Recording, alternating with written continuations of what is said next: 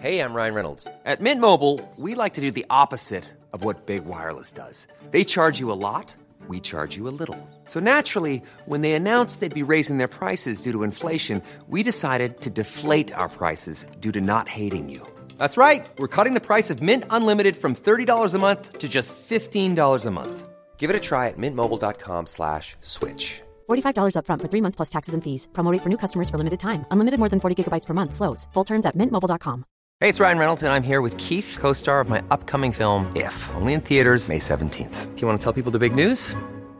All right, I'll do it. Sign up now and you'll get unlimited for $15 a month in six months of Paramount Plus Essential Plan on us. Mintmobile.com slash switch. Upfront payment of $45 equivalent to $15 per month. Unlimited over 40 gigabytes per month. Face lower speeds. Videos at 480p. Active Mint customers by 531.24 get six months of Paramount Plus Essential Plan. Auto renews after six months. Offer ends May 31st, 2024. Separate Paramount Plus registration required. Terms and conditions apply if rated PG.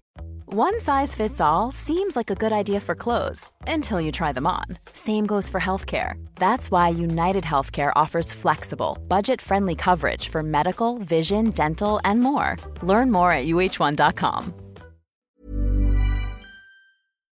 Vi är denna vecka sponsrade av Indie Beauty. Och Sofie, det här tycker jag är extra fint och extra roligt. Ja men Indie Beauty är ju ett skönhetsvarumärke som jag tror att väldigt många känner till, men det jag älskar mest det är att Indie Beauty liksom vill vara mer än bara produkter, vilket de ju också är. Exakt. Indie Beauty står ju för Independent Beauty, skönhet på dina villkor och för din egen skull.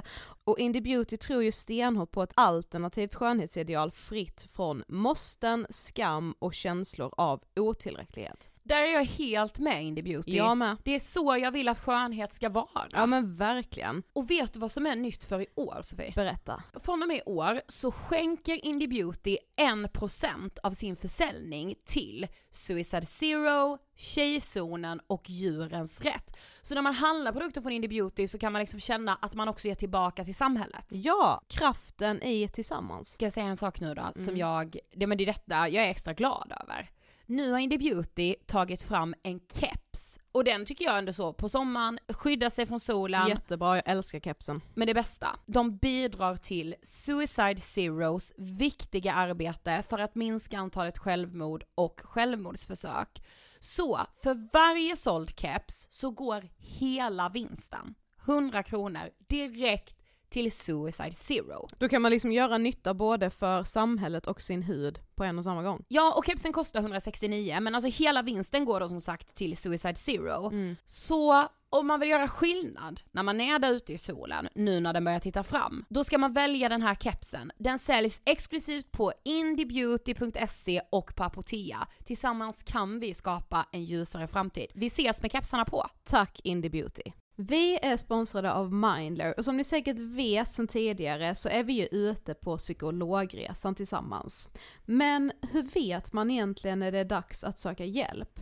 Ibland uppstår saker i livet som kommer utmana oss och kännas tufft. Det mesta självläker vi oss igenom, för vi är menade att ta oss igenom en viss mängd påfrestningar. Men ibland behöver man professionell hjälp för att ta sig ur jobbiga perioder i livet. Men vart går då gränsen? Vad är en del av livets skavighet och när är det läge att söka hjälp?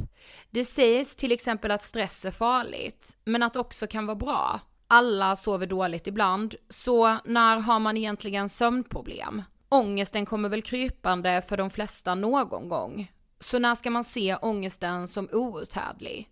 Hur vet jag? Med oss som psykolog har vi såklart min gamla psykolog Linnea Seidbrant. Men Linnea, vad är egentligen utmattningssyndrom? Utmattningssyndrom är en konsekvens av svår och långvarig stress utan möjlighet till återhämtning. Vi är ju då skapta för att klara av stress, men vi behöver också återhämtning. Om du utsätts för för mycket stress under en lång period utan att du får till den nödvändiga återhämtningen så kommer kroppen till slut att säga ifrån. Och det är faktiskt så att alla har en gräns. Du kan drabbas av en rad fysiska eller psykiska besvär som trötthet, sömnproblem, hjärtklappning, besvär från magen och tarmarna och mycket annat. Och det här är ju då varningssignaler och tecken på att du kan behöva göra någonting åt din situation. Annars så kan besvären utvecklas till att du mår så dåligt på sikt att du blir psykiskt och fysiskt utmattad. Ladda ner Mindler till din telefon och läs mer på mindler.se.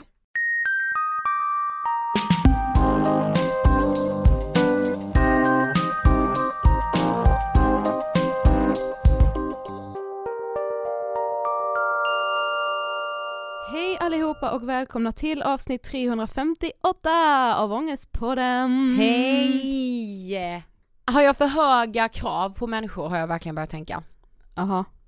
Och verkligen så, kasta er in i hetluften älskade ni. Det är torsdag, det är Ångestpodden. Jag undrar om jag har för höga krav på människor. På människor eller på vänner? Vad menar du med människor? Människor jag har i mitt liv eller liksom framförallt så här gamla vänskaper. Mhm. Har- Jag har processat det här i över ett år alltså. Mm. Om jag, just frågan, har jag för höga krav på människor? Mm. Är det orimligt att tycka att vänner ska stå upp för mig när saker liksom, när någon pratar skit om mig eller när någon är dum mot mig eller, alltså förstår du? Ja. Så jag säger, ja, men jag kanske inte ska förvänta sig det.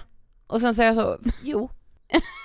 ja, det tycker jag absolut. Men Alltså, du fattar vad jag menar, att man kan bli så mot sig själv då att man är så, åh är det jag som har liksom orimliga krav på hur man liksom Ja. ska vara i en vänskap Men- eller? och det har jag med tänkt på eh, så här, eh, om man med tar det till liksom dating och så, så liksom när man är singel och eh, försöker dejta eller om man inte försöker dejta, alltså så här, jag har ju med ställt mig mycket frågor kring att så här, okej men gör jag fel som är som är på det här sättet eller på det här sättet, borde jag vara lite mer så här och sånt. Men det blir ju ändå alltid samma slutsats, att så här, ja men jag kan ju inte ändra på mig, alltså då blir det ju inte rätt från början Nej. om jag ska hålla på och försöka tänka hur jag borde vara, alltså Men det är mer hemskt när man har så trott att en vänskap är liksom ömsesidig i form av att så här, vi backar fan varandra Mm. och sen händer det någonting efter flera år där man inser att så här, oj, det jag hade gjort för den här personen gör den uppenbarligen inte för mig. nej, Det är ju, alltså det är, det smärtar. ja, Ja. det är riktigt piss. ja, det är hemskt. Och anledningen till att jag har varit det här, i de här tankarna senaste, det vet jag faktiskt inte. Du vet hur man är, alltså Men jag tror att jag, som jag sa förra veckan, att jag har känt mig så jävla uttråkad. Mm. Eh, jag har liksom inte så, jag har haft några helger där jag inte gjort ett skit och det är ju jättebra och eh, viktigt också att inte alltid göra Mm. saker för att typ så distansera sig från sina egna tankar. Men när man också hinner vara hemma lite för mycket så hinner man ju också börja tänka alldeles för mycket. Ja exakt. Alltså det är ju då det bara liksom, ja jag vet inte, spåra ur fullständigt i Mm. eh, den så kallade negativa spiralen. Ja. Jag är också så nu att jag ska ha höjt dosen på antidepp. Men sen har jag skjutit upp att hämta ut nya tabletter. Jaha. Förstår du? Jag berättade ju förra veckan att jag har haft de här jävla urinvägsinfektionerna, har gått på penicillin. Mm. Då har jag känt att jag inte har velat höja dosen samtidigt. För att jag Okej. bara, jag mår så piss, alltså vad ska jag göra? Ska jag också hålla på och mixtra med antideppen? Ja, ja för det var inte så att du fick så ett datum, så här, detta datumet ska du öka utan du Nej det var, var så här nu direkt. Ja, Och så hämtade jag aldrig för att jag var, var liksom sjuk när jag var hos min psykiater. Ja just det.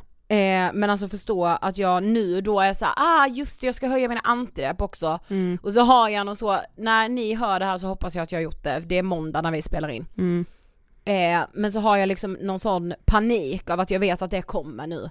Ja men blir det lite så som, ja men du vet som man brukar säga med så, ja men sluta med det här eller börja med en ny rutin, att här, jag börjar på måndag. Alltså du vet att man liksom ska, Ja lite. ja Att man är väldigt så, ja försöker då tänka när passar det att må Precis. piss nu i liksom upptrappning? Ja. Ja, aldrig är ju. Nej. Så det är ju bara att göra. ja. Eh, Det är som att det någon gång skulle vara läge att bli sjuk. exakt, Det är alltså, liksom, det är nej. typiskt så. Ja. Typiskt typiskt den. Mm. Eh, så jag vet inte, jag eh, ska göra det bara. Vi är denna veckan sponsrade av Hemmakväll. Det är vi och som ni vet så börjar ju julen närma sig med eh, stormsteg. Jag trodde du skulle säga och som ni vet älskar vi Hemmakväll för det vore Ja, också men- en sanning. Ja det vore det definitivt. Jag tänkte säga en sak till dig, Mhm. vi har varit inne på detta. Mm. Men den här julen vill jag säga, gör inte det själv. Nej, jag vet. Blir du lugn? Ja det blir jag. och som jag ju brukar säga så är ju mycket kring julen väldigt stressigt och någonting som jag inte riktigt tycker om. Mm. Men ni kanske funderar nu när jag säger gör det inte själv. Nej, alltså köp allt hos Hemmakväll så du bara kan ta det lugnt och njuta. Ja, men en sak som jag tycker är ganska trevligt ändå, Ja. det är ju det här julpysslet, alltså när man får Mm. hålla på och greja liksom. Och Det man kan vi ju julpyssla med saker man kan köpa på hemmakväll.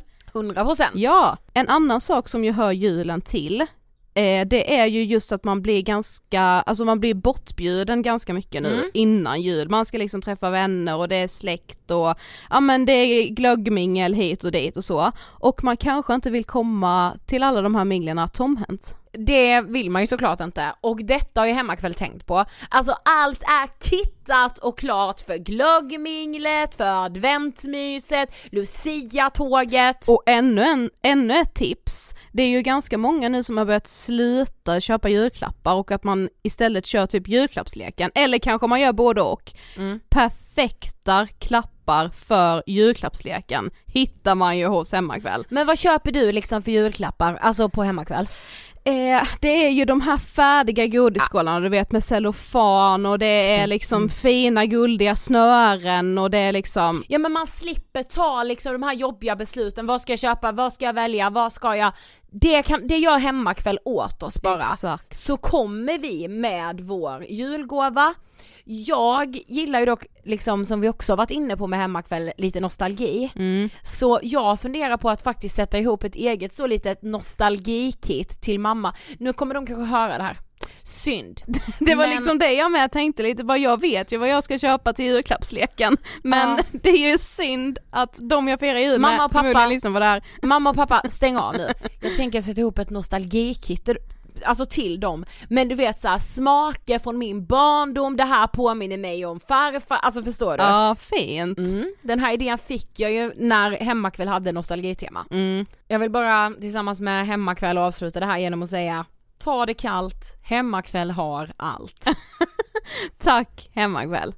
Vi har denna veckan ett betalt samarbete med Dove. Och den här veckan så vill vi prata om något som är väldigt, väldigt viktigt och som Dove också brinner för. Ja, för självklart tycker vi det är otroligt viktigt att inga skönhetsprodukter testas på djur.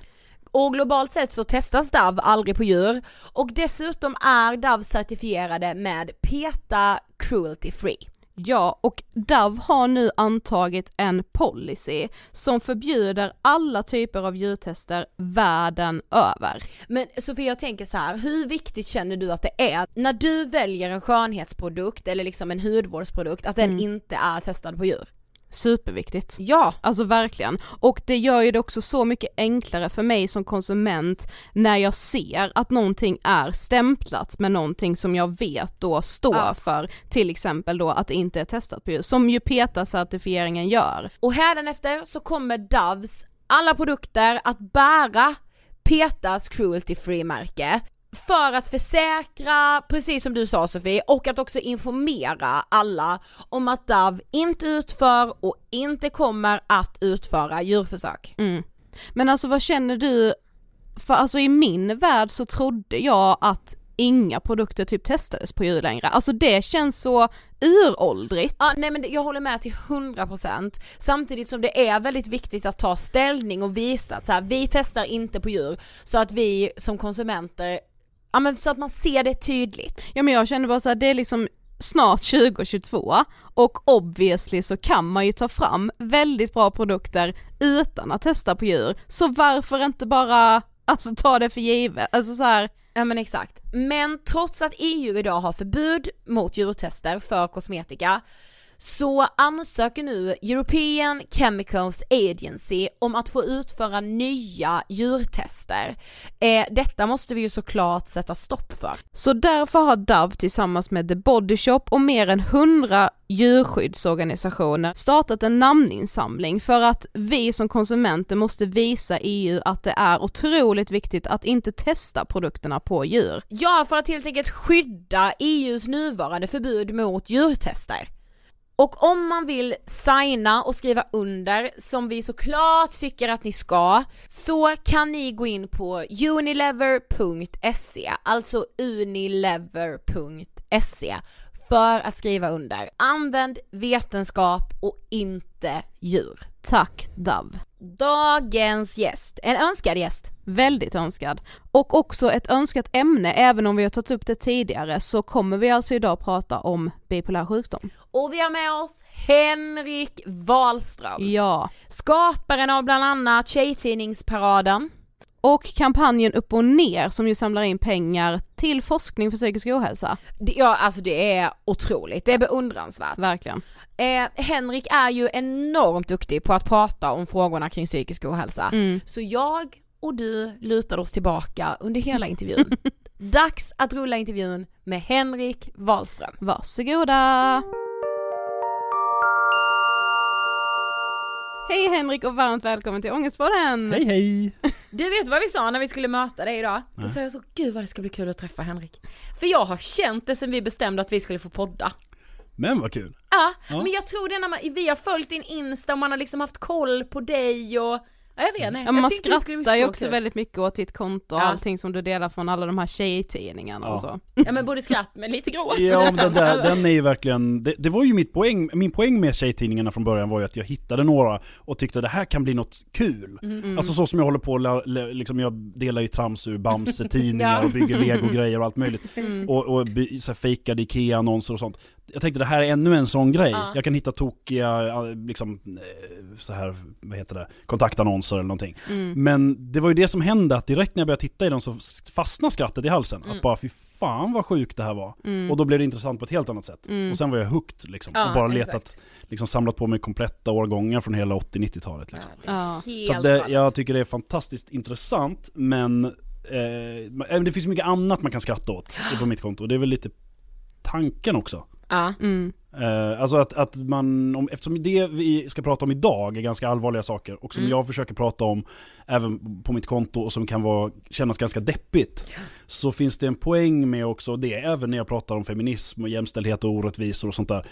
Att blanda ut det med humor för att också mycket av snubbarna ska stanna kvar. Mm. Mm. För att de drar när man blir för allvarlig, det är skittöntigt, men så är det. Mm. Mm. Men du, du ska få berätta för de som inte vet, vem är du? Ja, eh, Henrik Wahlström heter jag. Och jag är eh, regissör och producent och gör mycket mm, reklam och filmgrejer och sånt där. Men jag har också ett det är ett stort konto nu får jag ändå säga. Det är ett Ja. konto på, det är en 85 000 följare och sånt där. På Instagram. Där jag gör en massa olika saker. Eh, Och det har börjat som ett rent humorkonto. Och sen har det vuxit utan plan liksom. Men Mm. det har blivit att det mer och mer blandas ut då med allvarligare saker. Och det handlar mycket om, eh, det handlar om, om ja, men just som feminism och om jämställdhetsfrågor, machokultur, eh, hur vi har sett på män och kvinnor i olika tider. Jag tittar mycket på just så här press och tidningar och böcker och sådär Mm. riktat till kvinnor i olika tider. Mm. Hur det har varit väldigt, väldigt lika och ändå olika. Och hur långt vi har kommit och hur kort vi ändå har kommit och sådär. Ehm, och sen som en anledning att jag sitter här idag är också att på det här kontot så pratar jag öppet om hur det är att leva med bipolär sjukdom. Ehm, och det var ju någonting som jag inte har pratat om i, under alla år. Jag har ju gått med det här jämt, jämt, jämt. Eh, och sen 12 år tillbaka så har jag gått med exakt, jag vet precis vad det är jag har och ändå hållit tyst. Ehm, så att jag kom till ett läge första januari i år som jag valde att berätta för precis alla. Mm. Eh, Och det var ju ett jättestort steg. För att det var ju en...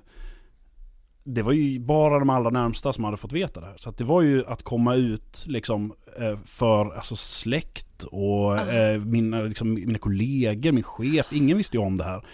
Så det blev ju väldigt, plus då en 150 000 som såg inlägget eller något sånt där. Så det var ju en, ett jäkla eh, språng som jag liksom vågade ta, men som jag gjorde för att jag kände att det här är min skyldighet liksom. För att jag Ja. måste försöka leva som jag lär.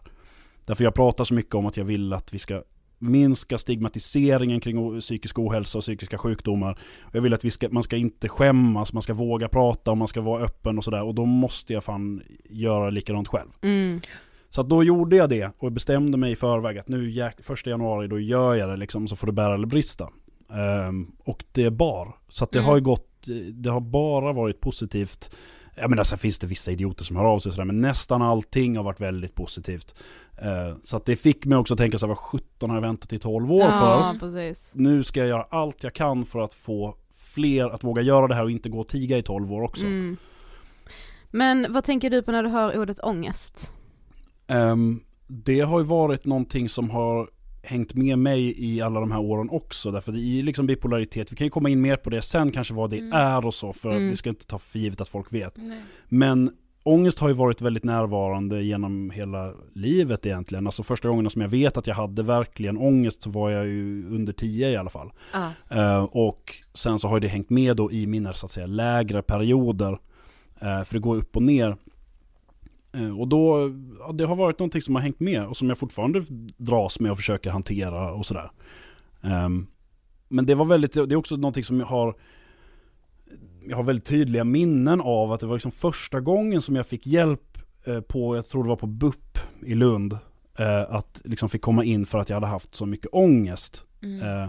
Och att det möttes av en, då, en, någon slags barnläkare eller psykiater som sa att nej men vi använder inte det ordet. För att eh, du har inte så här, du kan säga att du har varit rädd. Och så, så, men jag, det är ju ångest jag har haft, jag har varit liksom Alltså, Alltså, för du, panik- du förstod ändå att det var ångest? jag visste det och jag fick, Mm. fick ju höra det också av, av liksom mina föräldrar att det här är, att det här är ångest. Det är liksom ingen tvekan, det är liksom ett, eh, ett ogreppbart obehag som får mig att bara skrika och gråta och inte veta vad jag ska ta vägen. Mm. Utan ha, liksom, jag är inte rädd för någon specifik sak, utan jag har bara någonting som rider mig liksom. Och när jag då träffar en läkare och säger att jag har haft ångest så vill de inte att jag ska använda det ordet och liksom sa också så här, jag har hört att du har lärt dig ett nytt fint ord men det ska vi inte använda för att jag vet Nej, inte men vad det vad betyder. Fan. Och det sitter ju hårdare än någonting annat under det här besöket. Eller Ja, vad jag, jag vet inte vad jag fick exakt. för hjälp. Men det satte ju sig att okej, det här är någonting som, som vuxna tycker att barn inte kan förstå. Mm. Mm. Så att då, det, det där var ju ett perfekt sätt att få folk att hålla käften om hur de mår. Mm. Exakt. Verkligen. Eh, genom att säga att så här ska man inte säga. Ja. Gud, alltså det är så sjukt att höra sådana där historier från BUP.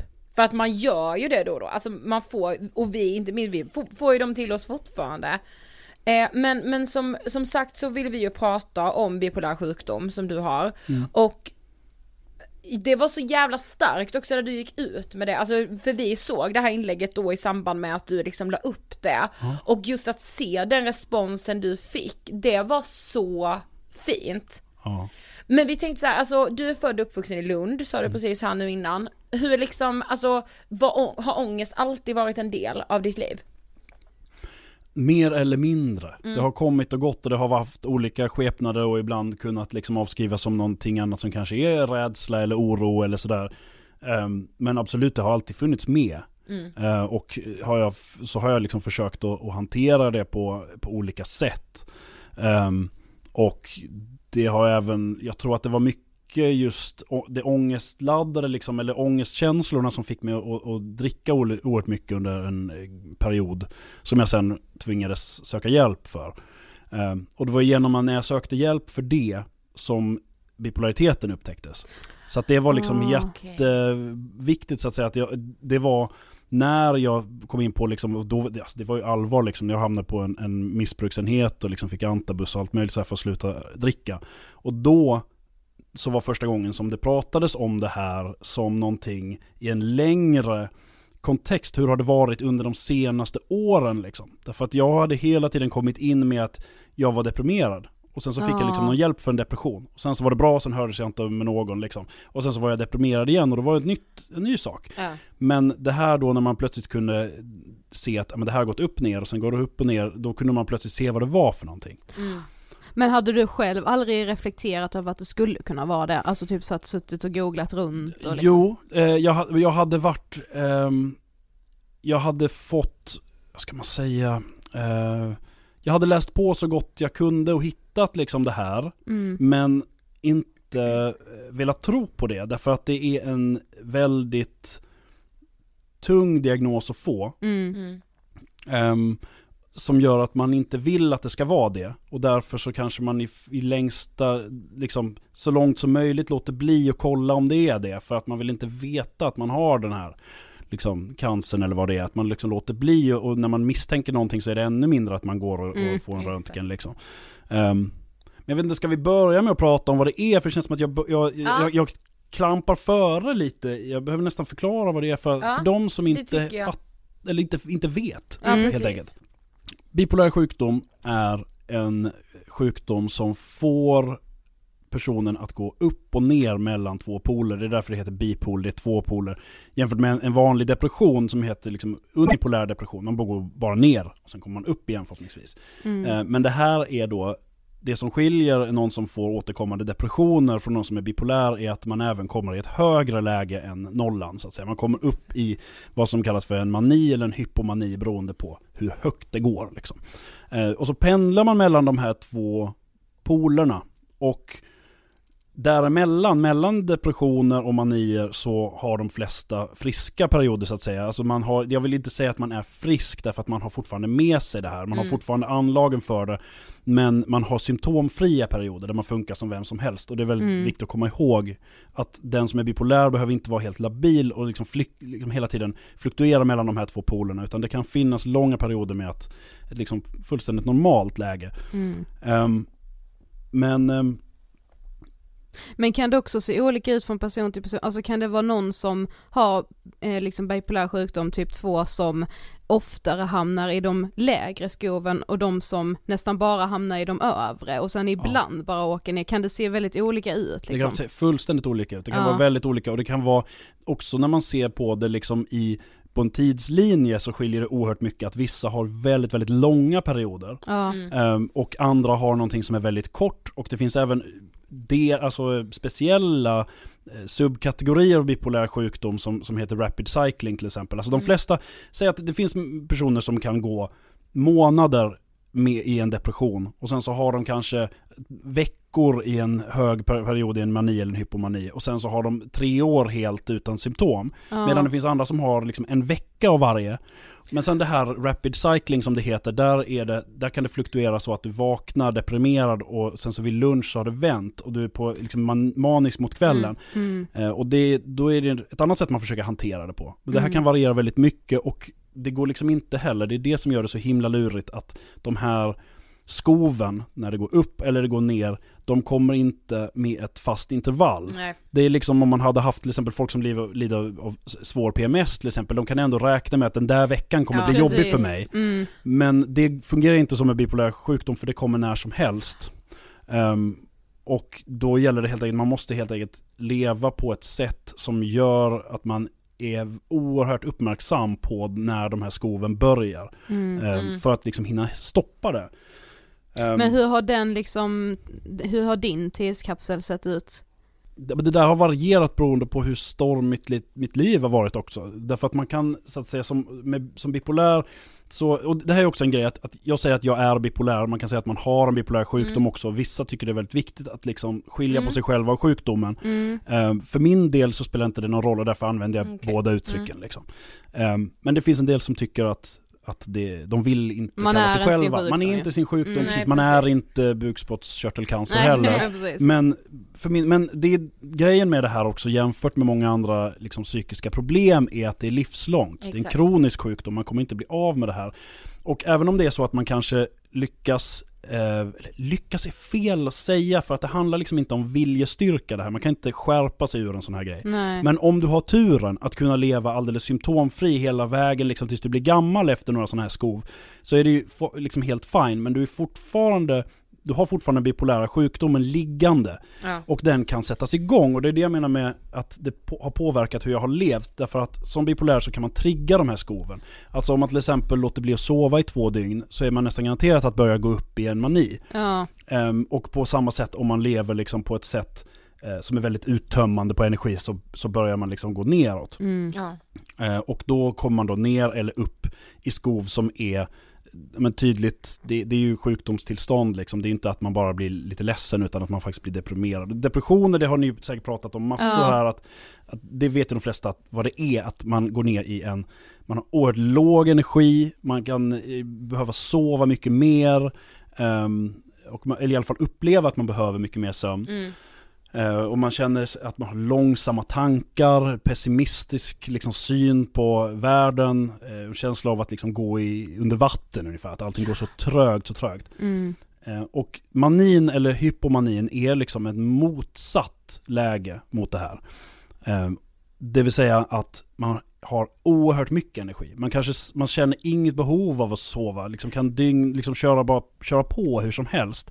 Eh, minskat behov av att äta, eh, upplevelse att, att tankar går väldigt, väldigt fort. Man kanske börjar prata väldigt fort. Eh, och, och, det är liksom allting bara speedas upp eh, på ett jätte Eh, vad ska man säga, man, man blir hyper liksom. Och Ja. med Mm. det här så kan det även komma med eh, en väldig kreativitet till exempel. Ja. Och det är inte alla som får det. För mig så är det nästan alltid så att om jag går upp liksom i en, i en sån här hypo, en hypomani så får jag massor med idéer och, och grejer jag vill göra. Och för mig så är det ofta jag kan liksom, om, och så länge det håller sig där så är det fantastiskt. Då kan jag få Mm. massor gjort och jättemycket kul grejer. Men risken är, alltså jag, hittade, ett, ett, för bara ett par veckor sedan så kom jag på att jag hittade en sån perfekt, en perfekt bild av hur, hur hypomani är. Mm. Och det var när jag eh, spelade eh, Super Mario. Och alla som har spelat det vet att när Super Mario tar en stjärna då plötsligt så går musiken går igång dubbelt så fort. Så här. Och man springer snabbare än någonsin annars och det är som ett guldregn av stjärnor runt en. Och alla motstånd man springer på bara flyger. Ja, man är helt odödlig. Men det som är intressant med det, för det, den känslan kan vara väldigt lik ett, liksom ett hypomant skov. Men det viktiga där också är, att, eller likheten är att vad som händer där i Super Mario är att den där stjärnkraften plötsligt tar slut. Så nästa gång du springer in i en fiende, du har redan uppe farten, men när du springer in i något, då så är det Ja. slut och så ramlar du ner under skärmen. Mm. Och det är precis det som händer, att plötsligt när man tror att liksom man äger världen så kommer det en motgång och energin finns inte där längre. Mm. Och då störtar man liksom ner och regel då ner i en depression. Mm. Ehm, därför att man har levt på ett sätt som kroppen inte klarar av. Nej, och att man har gått på, liksom, man har använt upp mycket mer energi än vad man någonsin kan ta in. Ehm, och för många så blir det också att om man under den här hypomana eller maniska perioden till exempel har haft ett jätteoptimistisk syn på saker så har det kunnat leda till exempel till mycket dåliga beslut. Man Mm. kanske har startat, liksom, startat nya företag som inte funkar. Ja. Eller dragit igång projekt. Eller, och en del har ju problem med att, att, att de är otrogna och sånt också. Därför att man inte har inte konsekvenstänket liksom, man är som hög. Mm. Ehm, och där kan det också bli då en ytterligare grej att när man kommer ner från det här så slår ju det tillbaka vad har jag gjort liksom. Och att det Mm, hjälper till och ännu skam. mer, ja. Precis, och att depressionen bara göds av det när man ser saker i backspegeln, kanske Mm. skuldsatt sig och sådär. Mm. Ehm, och det här som jag beskriver, det är liksom en den här hypomana perioden, den- det är liksom när man har, hypo betyder under, det är liksom en Mm. underversion till mani. Den är mildare, den är, den är klart högre än vad bara vanlig lycka är, Mm. men ehm, fortfarande inte en fullskalig mani. Och fullskalig mani det är liksom när man går ända, ännu högre upp, eh, och det är det som är typiskt för bipolär typ 1. Mm. Eh, och då man kan gå upp liksom och få psykotiska symptom. Ja. Alltså att eh, om en hypoman person kanske får en nytt självförtroende, att det här kommer jag greja jättebra, så har den som är manisk istället kanske får för sig att man har, ett, har fått ett, ett hemligt uppdrag, eller man är Mm. utsänd av någon, eller kanske tror att man är en annan människa och sånt Exakt. där. Och den, den eh, grejen eh, slipper jag. Eller jag har Mm. inte råkat ut för det hittills i alla fall, därför att min, min eh, diagnos är typ 2. Ja, och du fick ju din diagnos typ i 25-årsåldern va? Men hur, hur kände du där och då när du liksom till slut fick diagnosen? Alltså det var en jättesmocka. Ehm, därför att jag hade försökt, alltså jag levde på ett, ett, ett ganska hektiskt liv. Jag, liksom, jag DJade på heltid liksom flera kvällar i veckan och drack skitmycket och liksom bara raceade på.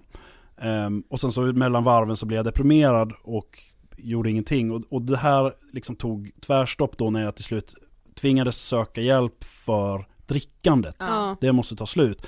Och när jag då kom till en, en missbruksenhet där de tog in mig då, då så, så upptäckte de ganska snabbt att det här som jag försökt dricka bort är en bipolär sjukdom.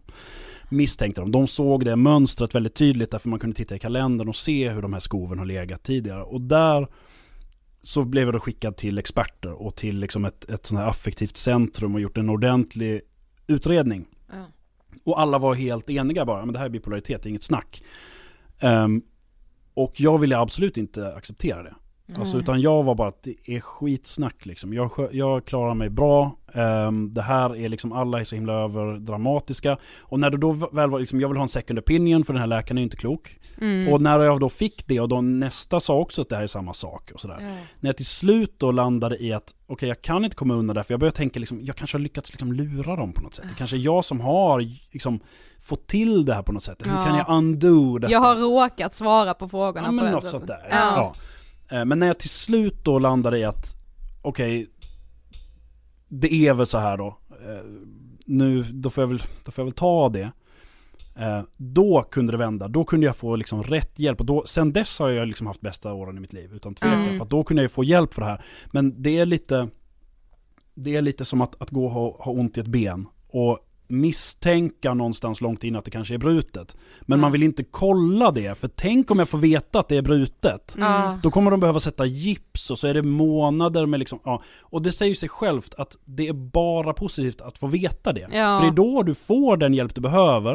Och det hade blivit jättemycket sämre om man hade gått vidare med det där brutna benet och försökt fixa det själv, eller bita Ja. ihop eller någonting. Och det är precis samma sak här, att det är liksom en det är ett allvarligt tillstånd. Det ligger liksom, bipolaritet ligger på WHOs lista över de tio mest handikappande sjukdomarna. Och det är en, liksom en skrämmande självmordsstatistiken är liksom Ja, uppåt en av fem liksom. Ja. Som, som någon gång i livet tar livet av sig och mycket fler som försöker. Mm. Så det var verkligen att det är livsfarligt att inte få hjälp. Mm. Och det tar ändå emot att söka den hjälpen för man vill inte få det här. För att det är det som är grejen att om man, om man är inne för att man har en depression och sådär att jag är, är deppig och de ger en, en antidepressiv medicin.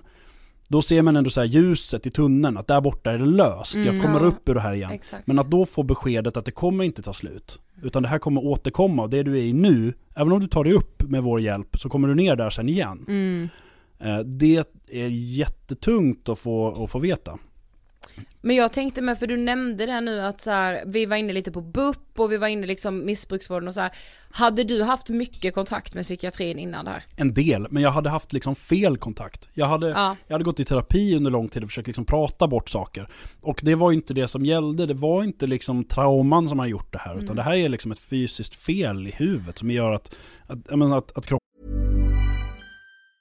Hey, I'm Ryan Reynolds. Recently, I asked Mint Mobile's legal team if big wireless companies are allowed to raise prices due to inflation. They said yes. And then when I asked if raising prices technically violates those onerous two year contracts, they said, What the f are you talking about, you insane Hollywood ass?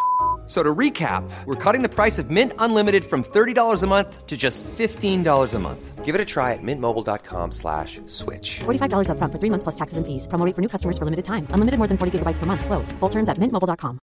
Hi, I'm Daniel, founder of Pretty Litter. Cats and cat owners deserve better than any old fashioned litter. That's why I teamed up with scientists and veterinarians to create Pretty Litter. Its innovative crystal formula has superior odor control and weighs up to 80% less than clay litter. Pretty Litter even monitors health by changing colors to help detect early signs of potential illness. It's the world's smartest kitty litter.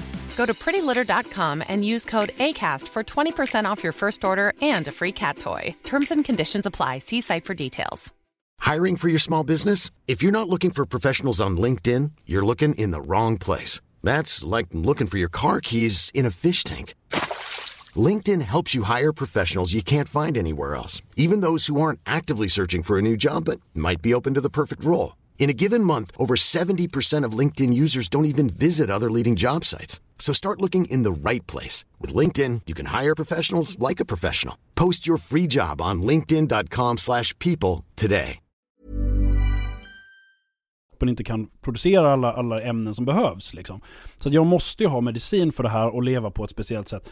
Ehm, och det är det också som blir dumt att jag fick, liksom en, en, jag fick depression som diagnos gång på gång och medicin mot det. Och vad som händer om man ger antidepressiv medicin till någon som i själva verket visar sig vara bipolär är att man liksom skickar upp dem i taket. Ja. Det tar ju inte Ja, stopp, utan nej. du fortsätter upp. Så att genom att bara käka liksom eh, SSRI Ja. för när man är bipolär är liksom som att slänga bensin på elden för att det bara skickar upp klart. över strecket. Så att då, och då, när man då kommer upp i det här höga, eller man, jag pratar om mig själv här. Och när jag kommer upp i det, då är jag ju fullständigt, fullständigt ointresserad av att söka hjälp. Ja såklart. Därför att Alltså, allting, är- jag är bara lycklig liksom. Jag har ett fantastiskt bra liv, allting går så himla bra och lätt. Eh, varför skulle jag liksom söka hjälp för att bli av med det?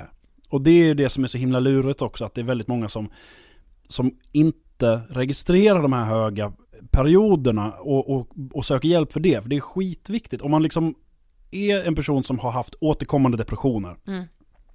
att det kan hända att det behövs någon utomstående som kan se det här, för det är jätte, jättesvårt att se själv. Men att som kan uppfatta att har jag eller den här personen haft en period före eller efter depressionen som har upplevts som högre än normalläget. Mm. Liksom man ökade, kanske ovanligt pratsam, ovanligt social, eh, sover ingenting, äter väldigt lite och sådär. Så registrera det, därför att så fort du vet att du har varit uppe i det, då, så, så är, då, alltså de här låga och höga perioderna är sammankopplade. Ja. Så att man vet att har du haft en, en högre period, då har du liksom en återfallsrisk som är så över 70%. Ja. Att du Mm. kommer falla ner igen. Mm. Det räcker inte att behandla den där depressionen. För då Och det är- måste man fa- sätta Ja. fingret på att de Och det är finns. så viktigt att prata om det just för jag tror att många har bilden just av att man ska få det här psykotiska Ja, precis. om man är Det- bipolär, ja. men att så här, det kan räcka med att bara säga nu med citationstecken få det här lite högre skjutsen Ja. och att man är lite över den normala lyckliga typ. Ja, och precis. inte det här extremt maniska. Precis. Ehm, Det är en jätteviktig grej. Att, att kunna se att de där, de där höga perioderna, även om de inte är ett problem för dig, eller kanske inte ens problem för, alltså för ofta är det så att de här liksom milda hypomanierna, alltså man inte är så högt uppe, de kanske uppfattas mest av människorna runt omkring och Mm. det kan vara så att det är ett besvär bara för dem runt omkring. Mm. Alltså att det är, att personen är ganska svår att nå eller väldigt speedad eller inte vill liksom d- att de perioderna registreras. Och det kan vara att det inte är något problem för någon. Utan det är bara att oj vad, vad kreativ och glad han är under den här Ja. perioden, vad härligt. Men att ändå lägga märke till att det här är inte liksom en befogad glädje om man så säger. Nej, Ja. Utan det här är liksom en sådana himla lyckokänslor som inte går att härleda någonstans. Det är ingenting som har hänt för att han ska vara så himla glad. Nej. Och då är det värt att bara, har du funderat på om det här kan vara kopplat till vad som precis hände? Eller Mm. det som är händelsen? Mm. Men du nämnde ju det att du, du var ju liksom, du höll ju det här egentligen för dig själv och bara dina absolut närmsta i 12 år. Mm. Varför gjorde du det? Därför att det finns en sån stigmatisering kring psykisk sjukdom. Eh, och det, det är så svårt att eh, prata om. Och jag menar, det- det händer ju saker. Jag menar bara att den här podden finns och att ni pratar om, om psykisk ohälsa. Det är, eh, det är skitbra att det går åt det hållet. Men just Alltså en, en skillnad är, men jag tycker att man kan ju höra väldigt, väldigt mycket oftare nu än för liksom, 10-15 år sedan att folk pratar om till exempel att de har varit utbrända eller Mm. att de har en eh, till exempel har varit deprimerade och sådär. Men hela tiden där så är det, väl, det är väldigt ofta så att man tittar i backspegeln då och berättar att jag Ja. har varit utbränd. Ja, vi har Jag har gjort det. Ja. alltså, Men så fort det är någonting som pågår så är det en annan sak och bipolaritet pågår precis jämt. Ja. Så att det är liksom en skillnad att, att våga säga till sin chef, jag gick in i väggen 2017. Då blir det mer som att men det här är men jobbigt för den här personen, du kanske har blivit stärkt av det, du Mm. lär dig mer om dina egna, vad du ska sätta för gränser och sånt där. Vad skönt att det är över. Mm. Men att berätta att jag är bipolär, det är snarare som att komma och säga att jag kommer gå in i väggen. Mm. ja, Och ja, det är en helt annan sak. Ja. För att, och, och det här känner man ju igen även, men det är samma sak med alltså, somatiska sjukdomar, att det är väldigt, väldigt mycket lättare att säga att jag har blivit frisk från cancer än Ja. att jag har cancer. Ja. För att vi är liksom, den man pratar med, vi är så beredda på att vi alltid ska försöka svara någonting som gör allting bra igen. Exakt. Mm, precis. Att vi ska komma med så här en lösning. Ja, Ja, men precis. har du har provat det här ungefär? Och när man då säger att jag har någonting som är kroniskt, då blir det som att det, är, det kan liksom döda stämningen, man kan vara rädd att det ska vara något sånt. Men också såklart, för min del så var det mer att sådär, vad, vad ska, hur ska jag liksom, min karriär fungera liksom? Mm. Kommer folk, för att det finns så mycket förutfattade meningar och fördomar som inte alls stämmer om bipolaritet, om att det är liksom men det, det heter ju manodepressivitet Ja, tidigare precis. och många förknippar det här med liksom verkligen dårhus. Ehm, och det är ju liksom, för det första så är det inte rätt, men för det andra så, det, det finns ändå, det finns där och det var det som skrämde mig, att tänk om de jag berättar för inte fattar. Mm. Ehm, och därför så höll jag tyst, fram till att jag till slut äntligen inte gjorde det. Mm. Men hur var det då att berätta, alltså kan du liksom minnas känslorna den dagen? Eller liksom när du, för var det första det här instagraminlägget? Ja, det var första, ja. För Och vad var, ju- det som fick dig dit liksom? Ja men det var det här att jag jag visste, jag har ju liksom, jag har berättat för mina liksom närmaste liksom vänner Ja. och sådär. Ehm, och framför allt att jag kände att jag vågar ta det här steget nu därför att det som har skrämt mig har liksom varit jag har ju absolut inte berättat om det under alla den, de år då jag inte kunde kontrollera det här. Då, då det liksom jag var så att säga i den här sjukdomens grepp, jag liksom var rädd Mm. för sjukdomen. Det är inte alls längre. För att nu så har jag, efter så många år liksom har läst allt jag kommer över och provat massor med grejer, eh, har jag liksom hittat tekniker som fungerar så att jag kan ha ett liksom fullständigt fungerande, välfungerande liv med bipolär sjukdom. Och, och det vill jag liksom sprida och visa och ge den peppen till folk Mm. som kanske precis har fått diagnosen och känner att nu är mitt liv liksom, det, jag, mina odds är så mycket sämre Mm. så att det känns bara hopplöst. Att det finns absolut hopp liksom. Det går att leva med det här och då tänker jag då, den förebilden, om, man, om jag kan bli en förebild liksom, ehm, för de som behöver orka kämpa, då är det liksom värt vad som helst. Och då kan inte jag bara gå och tiga, utan det, det, är liksom jag skyldig dem.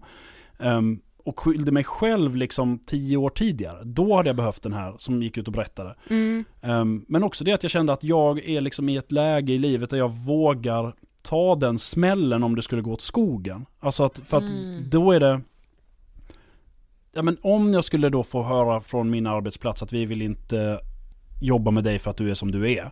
Då ska jag inte vara där. Då får jag Nej. hitta något helt annat. Då är det liksom, det är on them liksom. Då får jag hitta på något annat. Ja. Ehm, utan jag tänkte, okej, det, jag vågar göra det, vågar ta det här steget till slut. När, så fort jag kom på att jag vågade, då var det som att då måste jag göra det. Mm. Ja, Därför ja. att det är liksom, och jag vet att det inte, jag har inte ett ansvar för egentligen att göra det här, men jag kände att det ändå var min förbannade plikt att göra det. Därför att jag vet hur kass jag har mått i så många år. Mm. Och hur jag kunde ha hjälpt, hjälpts av någon som går ut och berättar, kanske visar liksom eh, tips och, och förslag och tekniker ehm, för att kunna leva med det här. Och även då som kan ge någon slags ehm, ljus i tunneln för en del. Ja. Jag blir så jävla inspirerad av att höra det här. Men du beskrev också, jag tror du hade blivit intervjuad av Järnkoll.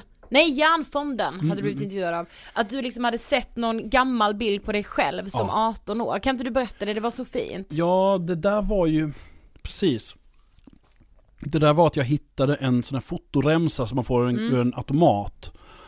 Som, jag menar jag, har, jag tittar så mycket alltid i, liksom när jag är hemma hos min mamma och sånt där, bläddrar igenom alla fotoalbum varenda gång. Jag har liksom stenkoll på dem där, jag älskar att titta på gamla bilder. Men de här har jag liksom helt missat för att de hamnar inte i något album, utan de stoppades in i en gammal skolkatalog. Eh, och när jag bläddrar igenom den då av någon anledning så dök de här upp. Och då är det liksom så här fyra bilder på bara mig som tittar in i kameran, så det blir sån här som jag inte har sett sen dess. Och du vet, det blir en speciell grej när man ser en, bild, en gammal bild på sig själv som man aldrig har sett, att det Mm. händer någonting. Och framförallt när man tittar rakt in i kameran, att det blev som att titta i en märklig spegel liksom. Mm. Eh, och det här var också under en period då jag liksom mådde ganska dåligt, var väldigt vilsen. Eh, och försökte liksom greppa hur jag skulle, ja, hur sjutton gör man det här med livet liksom. Eh, och då tänkte jag direkt bara så, hur kunde jag underlättat för den här killen? Mm. Alltså vad kan jag göra idag som får det att gå lite lättare för den som är där idag? För Mm. att den, all, det där är ju liksom alla andra 18-åringar som tittar tillbaka också. Mm. Ehm, och hur, liksom, hur, kan jag, hur kan jag få folk att, liksom, att söka hjälp tidigare? Och om man får en diagnos, våga berätta om det. För att liksom bara skippa alla de här åren av fel medicinering och sen, fel, Mm. och sen hålla tyst och sådär. På det liksom mycket tidigare. Ja.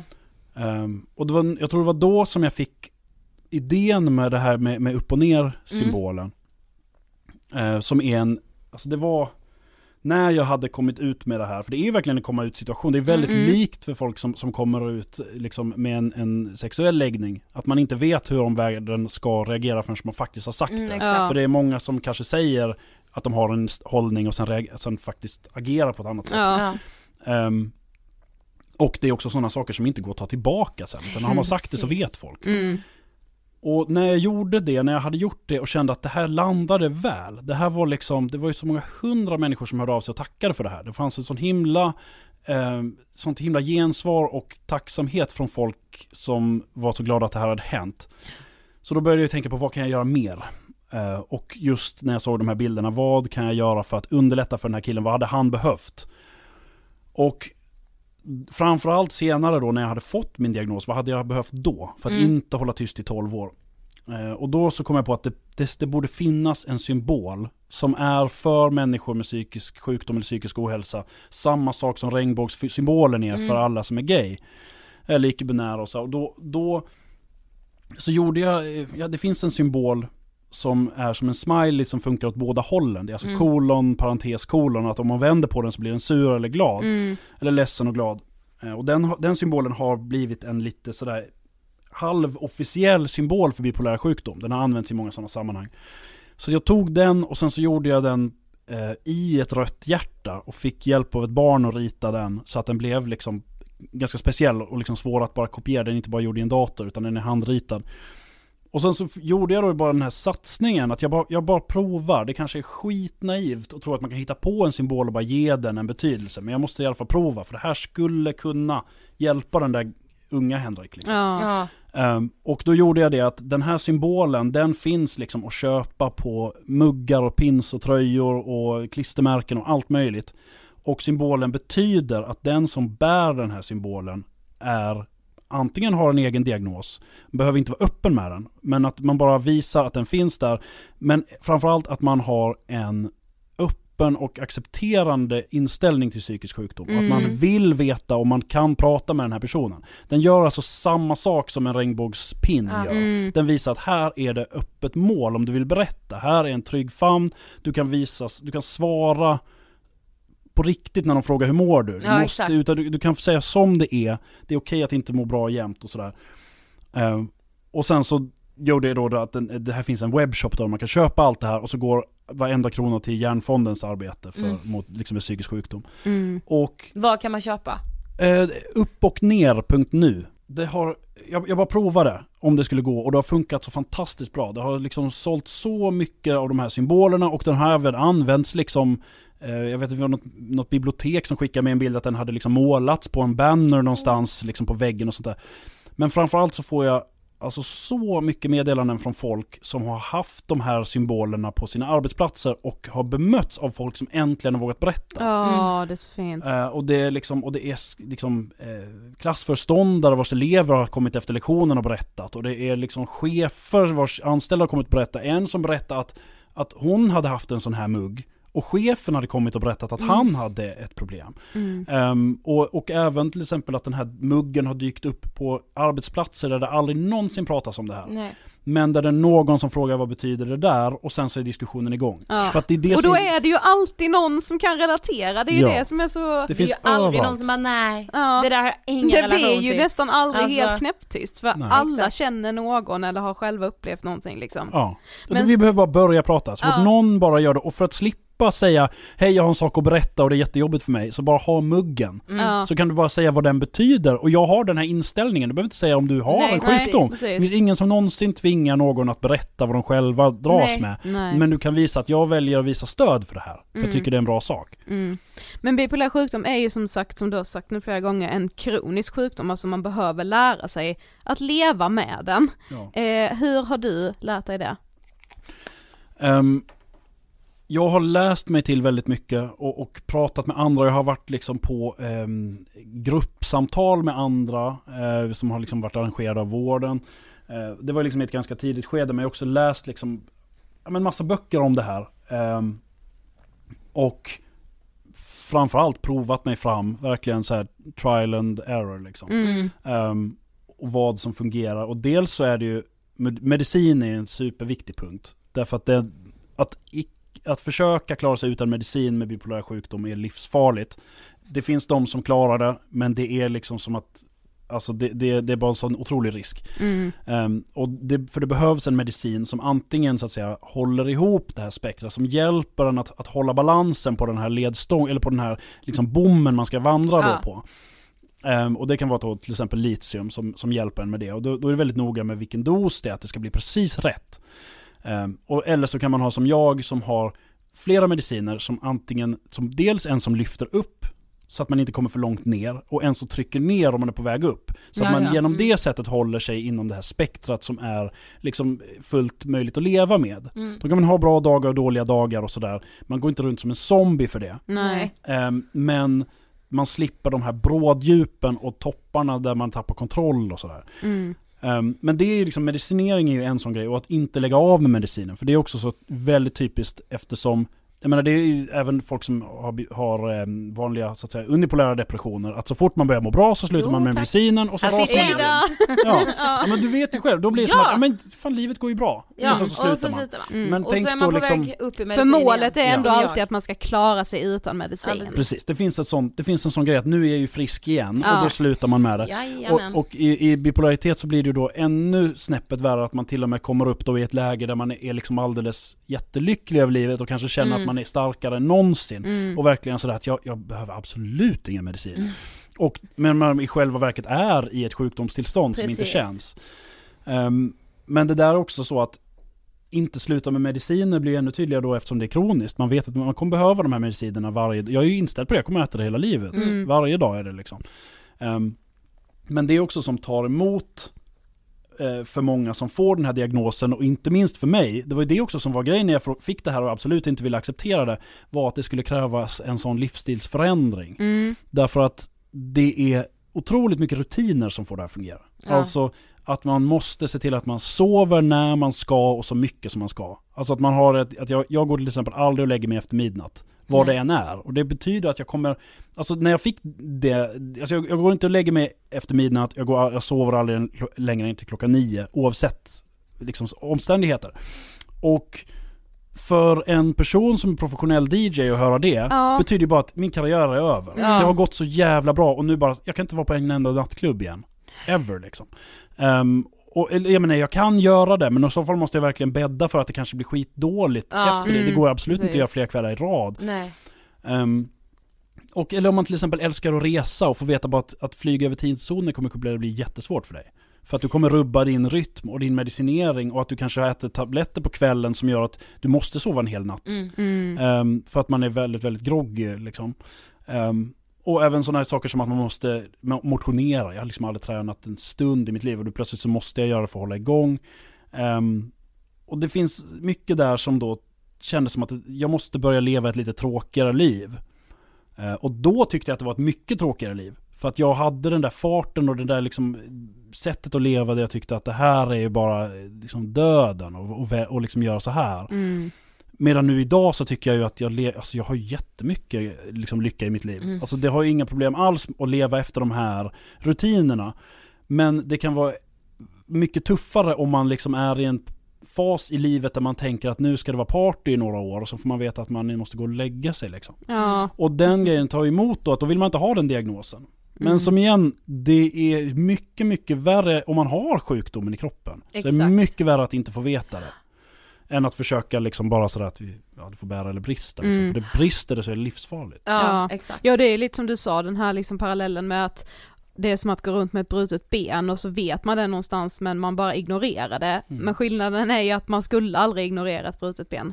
Nej, men det är väl kanske lite, alltså det är lite mer som, alltså det är väldigt likt att leva med diabetes. Ja, alltså, vi hörde det, du gör en så bra jämförelse. ja men för det, Ja. det, är ett, det är ett, liksom det är ett rent fysiskt fel som gör att kroppen inte kan producera alla de substanser som behövs för att hålla en jämn nivå. Och då Mm. måste man föra in dem utifrån och hålla väldigt koll på sina kurvor och sina nivåer eh, och ha rutiner som gör att, till exempel med mat och sådär, som gör att man håller sig inom det här spektrat där man kan leva bra. Liksom. Mm.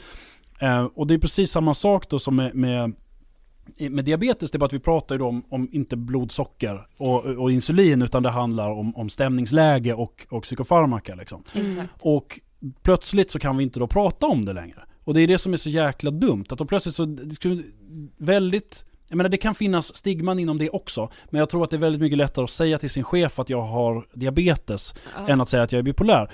Ehm, och den grejen vill jag ju att vi ska ändra på. För att det, och det är samma sak där, att det är skitviktigt, det kan vara livsnödvändigt att veta för omgivningen att personen har diabetes. För Mm. när det väl smäller och det händer någonting och man ser vad, vad är det som händer med den här Mm. personen, mår jättedåligt. Då är det en jätteplus att de vet att personen har diabetes, vi måste lösa det här. Eller personen har en bipolär sjukdom, vi måste se till att, att hen får hjälp. Mm. Exakt.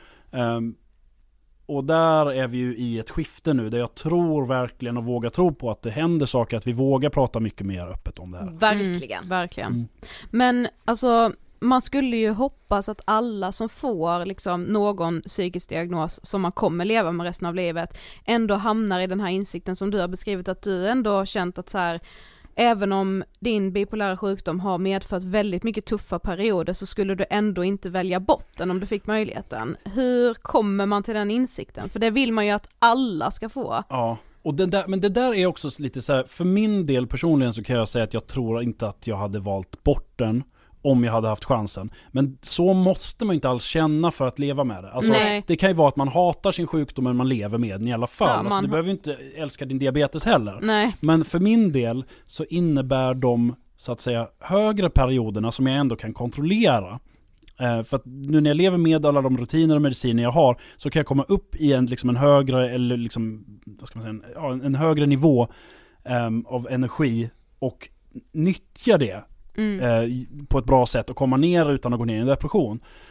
Eh, och jag, det är inte hundraprocentigt, jag menar jag har ju fortfarande perioder då jag inte mår bra. Men de här lite högre perioderna, jag tror absolut inte jag hade haft det jobb jag har idag om jag inte hade haft det. Nej. För att det är där jag liksom får alla idéer och det är då det plötsligt jag menar det kan, vara, det kan vara knasiga idéer också men de går inte ut över någon utan det kan vara bara så att jag plötsligt liksom har en period där jag kommer på att ja, men den här lilla mjukisapan som sitter här på sängen, undrar om jag skulle kunna sy ett par jeans till honom.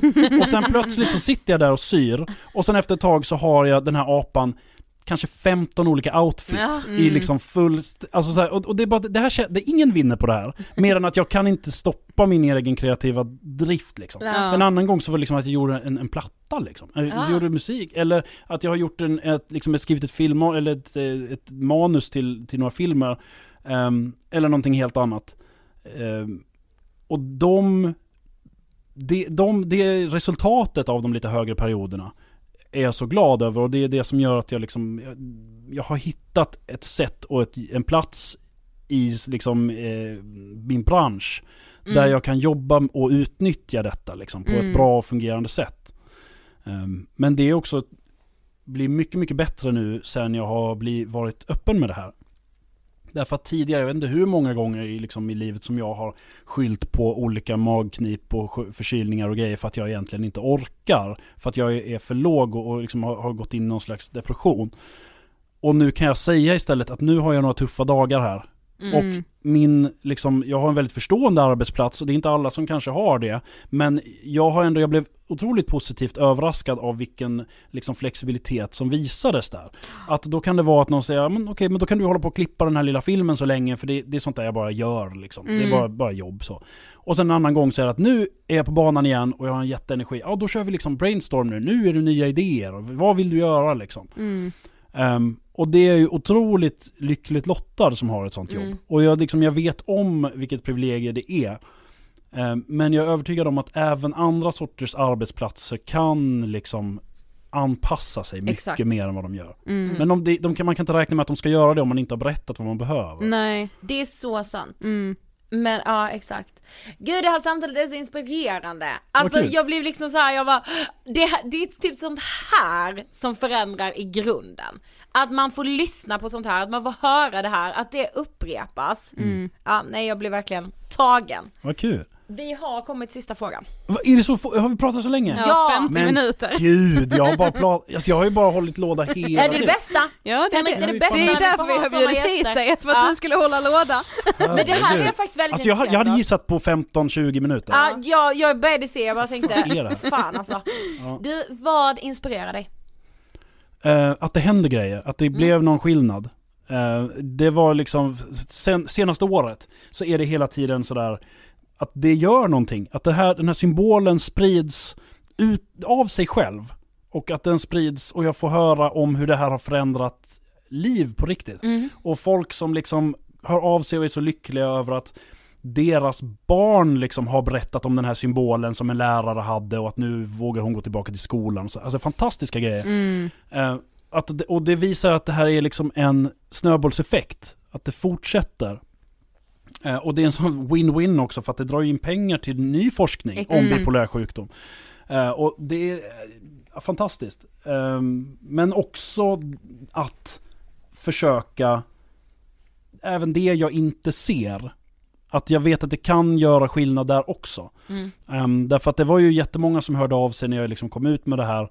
ehm, som berättade att jag med, jag med, min brorsa med, min pappa med och sådär. Men det är också hundratals som har hört av sig i, i direktmeddelanden och sagt jag med, men ingen kommer någonsin få veta det. Mm. Jag är liksom en upp, högt uppsatt advokat. Ja. Ing, om jag berättar det här så är det liksom kört. Liksom. Då, då är, tappar folk förtroendet för mig och det här, det, det kan vara att, att, att det blir liksom am- ammunition mot mina mot, för mina motståndare att prata om. Alltså, alltså, eller personer som bara sådär att jag, jag sitter i sån knipa för att jag vill bli polis, det är min dröm. Och jag får inte om jag har bipolär sjukdom. alltså, Alltså och sånt där som, som, och andra som säger att jag har sjukdomen och jag håller tyst idag.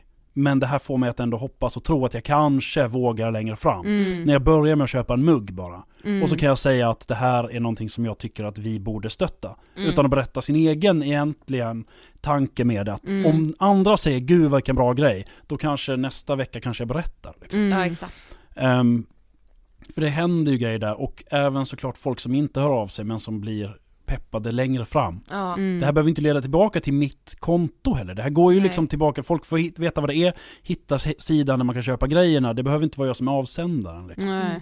Bara samtalet lyfts på något sätt liksom. Ja. Mm. Och där, det, det peppar mig också att det, det rullar på, att det liksom nästa steg, för det var ju det att vad ska jag göra mer? Och då blev det märket. Mm. Och nu var det också vad ska jag göra mer? Och då hörde de av sig från, nu var det Uppsala universitet som frågade kan du komma och prata om det här? Mm. Mm. Och då, ja, självklart, jag skriver en föreläsning om det. Jag gör någonting sånt, för det kan vara nästa grej. Exakt. Ehm, och ja, så att det, det, det går åt rätt håll. Och det är så sjukt, sjukt viktigt att det går åt det hållet. För det finns så jävla många som lider av det här. Ja, verkligen. ja. Tack så jättemycket Henrik för att du ville gästa Ångestpodden. Tack så Det var jättemycket. Men det, jag, har inte, jag har inte frågat något till er, det har ju varit helt, Nej, en men enda monolog. Våra lyssnare känner oss allt för väl kan Okej. man säga. Så Så. säger vi hej då. Så får det vara. Hej hej! Hej. Vi är denna veckan sponsrade av Mendly. Ja, appen som gör det möjligt att gå i chatterapi direkt i telefonen. Och så här är det att de flesta som upplever att de är i behov av stöd för att må bättre kan använda Mendly. Ja. Och via då just chattterapi så kan man ju få hjälp med många problem. Men Sofia jag tänker att vi kan ändå så nedstämdhet, oro, stress, sömnproblem för att ge några exempel. Exakt, och Mendley har ju verkligen sänkt trösklarna till att söka hjälp, för det kan vara väldigt svårt, har man liksom aldrig gått i terapi innan så kanske man känner att det steget att liksom, ja men gå och prata med någon fysiskt är väldigt stor Exakt. och då kan det vara så skönt att bara liksom få skriva av sig med någon och kunna göra det var man än befinner sig. Och så här är det också när chatten väl är igång, då är den liksom igång, då kan du skriva i chatten när du får en sån här negativ känsla som du kanske har sökt hjälp för eller bara känner så här, ja men just det, det är det här jag måste prata om, då bara skriver du det direkt. Exakt. För att använda Mendley liksom så måste man ju vara 18 år gammal. Men jag tänker också på att om man är osäker på om man kan få hjälp hos Mendley så kan man ju inleda en kontakt. Ja, För varje terapi börjar ju med en bedömning och kommer du och Mendley då fram till att du inte kan få den bästa möjliga hjälpen hos just Mendley så får du hjälp med vart du kan vända dig istället. Exakt. Du skriver alltså så ofta du vill, du får svar 3-5 gånger i veckan och det är alltså ingen väntetid. Så laddar du ner appen idag så kan du också vara igång i chattterapi idag. Exakt. Viktigt att komma ihåg att vid akuta psykiska problem eller allvarliga självmordstankar så ska du alltid ringa 112. Det vill vi och Mendley påminna om. Tack Mendley. Alltså så otroligt viktigt och alltså Henrik är ju väldigt bra på att vara så informativ. Jag vet. Du vet det bara kändes så matigt Jag men vet. också så himla personligt vilket jag tror är väldigt väldigt viktigt när man pratar om ja, men all psykisk ohälsa. Det är ju mycket lättare att relatera när det också känns personligt. Ja men verkligen. Och jag älskar ju också Henriks symbol, alltså upp och ner symbolen. Ni som följer Henrik vet vad vi pratar om. Om man inte följer Henrik då går man in och gör det på Instagram där han heter Henrik Wahlström. Ström med S-T-R-O-E-M. Yes, och man kan ju också läsa mer om kampanjen på uppochner.nu. Underbart! Verkligen. Henrik, vi är så tacksamma att du ville komma till podden. Ja, tusen tack. Och nästa vecka fortsätter ju alltså vår serie om gängkriminalitet. Jag har längtat lite efter det faktiskt. Jag också. Det har känts konstigt att Ja. göra, att liksom den Ja, inte... Ha ett litet break här. Ja, Ja. men nu är vi redo igen tror jag. Ja, och återbesöken rullar ju också som ni vet varenda söndag resten av det här året. Det känns så sjukt att säga resten av det här året men det är ju snart slut. Det är helt Otroligt. Ja.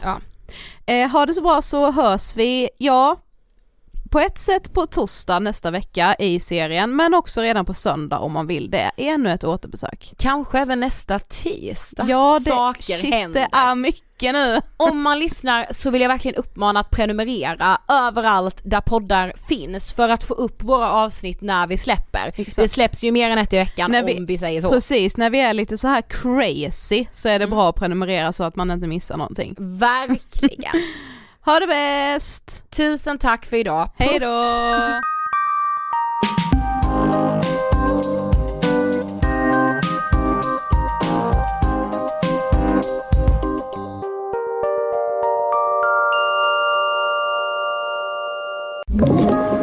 Podplay.